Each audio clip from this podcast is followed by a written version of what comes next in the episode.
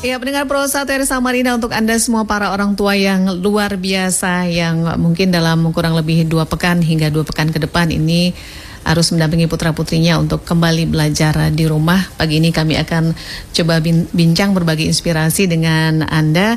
Saya sudah terhubung pagi ini dengan Mas Aar Sumardiono yang sudah 19 tahun ini selaku praktisi homeschooling dan juga dari Rumah Inspirasi. Saya akan coba menyapa Mas Aar. Halo, selamat pagi Mas Aar. Selamat pagi Mbak Rati, selamat pagi para pendengar semua. Baik, Mas Aar, saya tanya dulu nih tentang kondisi Semarang karena Mas Aar di Semarang ya saat ini ya. Iya betul. Baik, Mas Aar dalam uh, wabah COVID-19 di Indonesia, bagaimana dengan kondisi Semarang pagi ini? Iya, eh, seperti keluarga-keluarga lain di seluruh pelosok Indonesia, mm. kami juga berdiam di rumah mm. dan eh, menenangkan diri bersama dengan anak-anak dan keluarga karena memang eh, himbauannya adalah kita berdiam di rumah. Di sehingga, rumah saja ya Mas Arya. Betul, mm. sehingga semua informasi kami coba akses dari internet dan mm. dari grup WhatsApp dan lainnya. Baik, termasuk dengan acara kita pagi ini nih Mas Arya melalui RRI Betul sekali, ya. Mas Ar, Uh, Mas Ar sudah 19 tahun ya sebagai praktisi homeschooling. Ini tiga putra putri ya Mas Ar ya betul ya? Betul. Betul. Uh, saya punya tiga anak. Mm-hmm. Uh, semuanya tidak ada yang pernah bersekolah formal. Mm-hmm. semuanya menjalani homeschooling atau pendidikan mandiri sejak kecil. Mm-hmm. Dan yang paling besar, uh, alhamdulillah kemarin diterima di Fakultas Ekonomi Universitas Indonesia. Wah luar biasa. Tadi saya juga sempat bincang dengan uh, Mbak Melati. Apakah tidak menutup kemungkinan untuk uh, melanjutkan pendidikan lebih tinggi? Ternyata betul nih jawabannya adalah di Masa Ar ya. Baik, Masa Ar. Tadi uh, kita sudah bincang ya dengan dengan Mbak Mel, tapi mungkin uh, Mas Ar bisa menyampaikan ya sedikit kata kunci ya mengenai konsep homeschooling ini karena mungkin uh, ini tidak akan persis sama dengan apa yang diterapkan oleh para orang tua di rumah dan yang terlebih penting adalah bagaimana pendampingan untuk kategori usia. Mungkin konsepnya dulu Mas Ar, bagaimana dengan homeschooling ini? Oke. Okay. Kalau kita berbicara tentang homeschooling, salah satu poin pentingnya adalah homeschooling itu bukan memindahkan sekolah ke rumah. Mm -hmm karena konteks rumah itu sangat berbeda dengan eh, sekolah. Orang tua juga bukan guru sehingga proses-prosesnya akan berbeda dengan kalau anak-anak pergi ke sekolah. Jadi hmm. goal besarnya homeschooling itu adalah menyiapkan anak-anak menjadi pembelajar mandiri, Barate. Hmm. Hmm. Nah, jadi jadi otodidak. Jadi dari awal eh, mereka diajarkan untuk bagaimana mereka mengatur jadwalnya, yeah. kemudian apa sih yang ingin mereka lakukan dan sebagainya supaya mereka bertanggung jawab sendiri. Mm. Karena saat ini materi belajar itu tersedia banyak sekali di di luar sana, terutama mm. karena ada internet ya. Betul, betul. mm. Mm. Itu yang kemudian uh, pokok besar yang membedakan antara uh, model persekolahan dengan pembelajaran mandiri di rumah dalam homeschooling. Baik, Mas Aar, kalau tadi Mas Aar mengatakan ya bahwa anak bisa mengatur jadwalnya sendiri, untuk kondisi saat ini apakah juga bisa diterapkan di rumah, Mas Aar? Ya, kalau untuk eh, keluarga-keluarga yang putra-putrinya bersekolah, eh, saat ini sebenarnya adalah kesempatan yang besar untuk hmm. mengeksplorasi model yang berbeda dengan sekolah yang biasa dijalani. Mm-hmm. Kemarin uh, kebijakan dari Kemdikbud sudah melepaskan, oke okay, nggak ada UN, yeah. gitu kan? Mm-hmm. Sehingga target-target semestinya lebih longgar. Mm-hmm.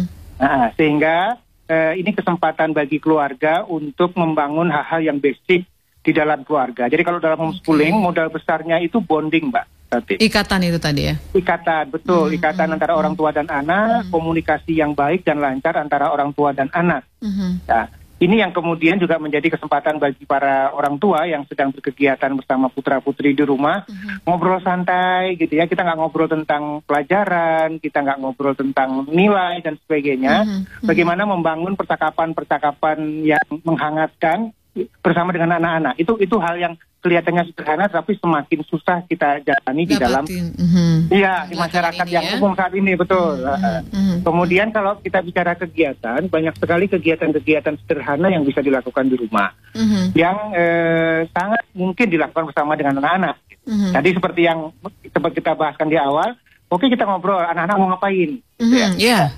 nah mm-hmm. itu sebuah proses sederhana tetapi sangat penting karena anak-anak belajar mengenali dirinya Selama ini kan anak-anak semuanya dijadwalkan oleh orang lain, Pak. Betul. Ya kan? Betul, mereka tinggal betul. hanya menjadi hmm. pelaksana, hmm. hanya mengikuti hmm. saja. Nah, sekarang kesempatannya hmm. coba belajar untuk anak-anak mengenali dirinya apa sih yang mau dilakukan.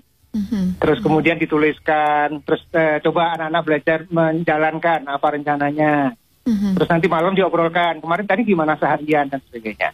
Hal-hal yang kelihatannya sederhana itu adalah bagian dari proses self management yang akan terus terpakai di dalam kehidupan kita. Mm-hmm. Uh, baik pada saat anak sebagai pelajar maupun ketika kita dewasa, itu kan sebagian besar sebetulnya uh, keterampilan self management itu akan akan sangat terpakai dalam kehidupan kita. Mm-hmm. Mm. Keterampilan self management inilah yang bisa kita bangun ya, Mas Arya kurang lebih dalam uh, dua satu bulan ini ya setelah kemarin dua Betul. pekan. Ini diperpanjang kembali kurang lebih ke dua pekan ke depan ya, Mas Arya. Betul, Mas. Baik, Mas Ar, ini mungkin akan terjadi perbedaan ya. Ini saya juga melihat ya beberapa tutorial, tapi sayang sekali ini tutorialnya lebih kepada anak usia dini ya, uh, uh-uh. anak-anak. Mungkin uh-uh. orang tua ini kesulitan Mas Aar untuk anak-anak kategori anak ABG ya istilahnya begitu ya, uh-uh. untuk SMP, SMA. Uh-uh. Ini tentu akan terjadi perbedaan pendampingan. Mas Aar bisa memberikan beberapa kata kunci perbedaan mendampingi anak-anak ini dengan kategori usia yang berbeda. Ya, uh, betul ketika uh, anak-anak berbeda usia, tentu hmm. saja proses pendampingannya akan berbeda. Ketika anak-anak usia dini, yang utama kan sebetulnya orang tua menjadi pengasuh ya, pengasuh yeah. yang kemudian hmm. mendampingi, memberikan kenyamanan pada anak-anak.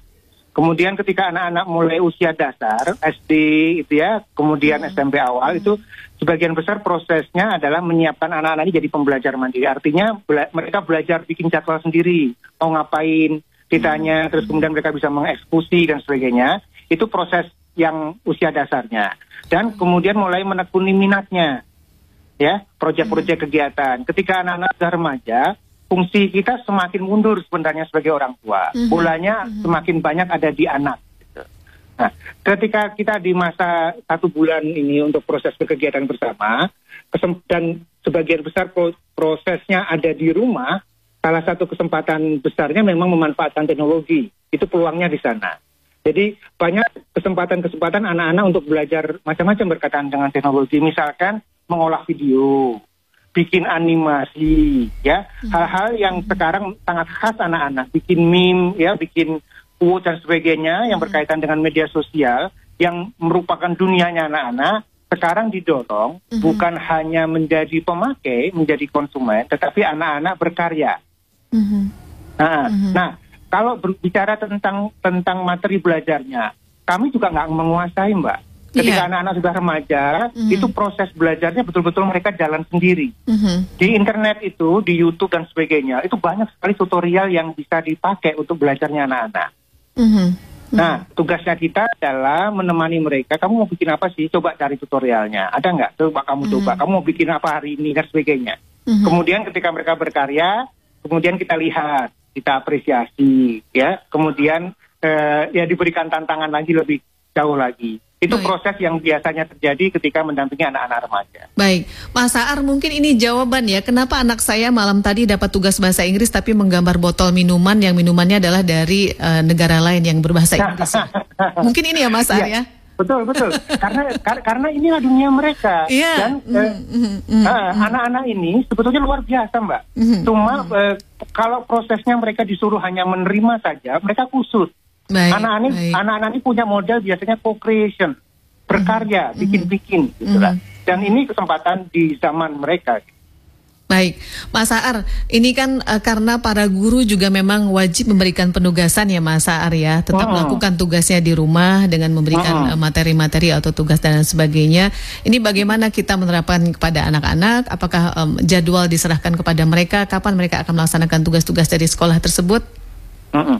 Kalau kami biasanya menggunakan sistem menu, Mbak, Mbak uh -huh. Rati. Uh -huh. Uh -huh. Jadi sistem menu itu begini eh, kami bikin kesepakatan bersama anak-anak, kamu mau ngapain? Terus kemudian kami juga memasukkan ide, oh ini dimasukin jadwal ya. Gitu. Okay. Jadi mereka punya jadwal harian mm-hmm. empat mm-hmm. atau berapa lima jenis kegiatan satu hari, mm-hmm. tetapi kami berikan kesempatan mereka untuk mengerjakan urutannya.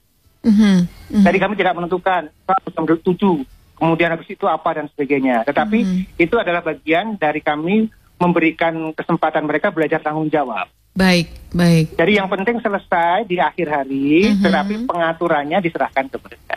Jadi yang penting selesai di akhir hari, tapi pengaturannya kita serahkan pada mereka ya Mas Ar ya? Betul, karena itu akan memberikan otonomi mereka. Mas Ar, Ini ya. mungkin yang menjadi kesulitan uh, para orang tua saat ini. Ketika memang mungkin uh, kita belajar menggunakan teknologi dengan gadget, ini ada kekhawatiran anak-anak nanti akan hmm. beralih jalur ya, tidak tidak uh, memanfaatkannya untuk proses belajar, tapi untuk bermain yang lain. Bagaimana dengan ini, Mas Ar? Kalau kami bikin kesepakatan, pertama mm -mm, ada aturan main. Mm -mm, Aturan mainnya adalah eh, target-target mereka selesai. Baik. Itu dulu. Mm, uh, baik. Mm, Jadi mm. Ke, di luar itu mereka boleh gitu karena mm, itu juga bagian mm. dari hiburan mereka mm, ya karena ini kan juga semua sedang dalam kondisi susah yeah. jadi bukan hanya orang tua yang susah tetapi anak-anak pun sebetulnya kesulitan karena mereka biasa main sama temennya betul, mereka betul. kehilangan kesempatan untuk berkegiatan dan sebagainya sehingga kita juga tidak bisa terlalu ketat juga gitu ya Baik. dengan dengan aturan main ini Baik. yang penting goal basicnya tercapai mbak Mas Saar, terima kasih banyak. Saya sebetulnya masih ingin bincang nanti lebih lama mungkin di lain waktu ya Mas Saar ya. Ya, Mbak Baik, mudah-mudahan Mas Saar ini tadi saya bincang dengan Mbak Mel sekarang ini banyak ibaratnya orang tua berubah menjadi naga yang berasap katanya begitu ya.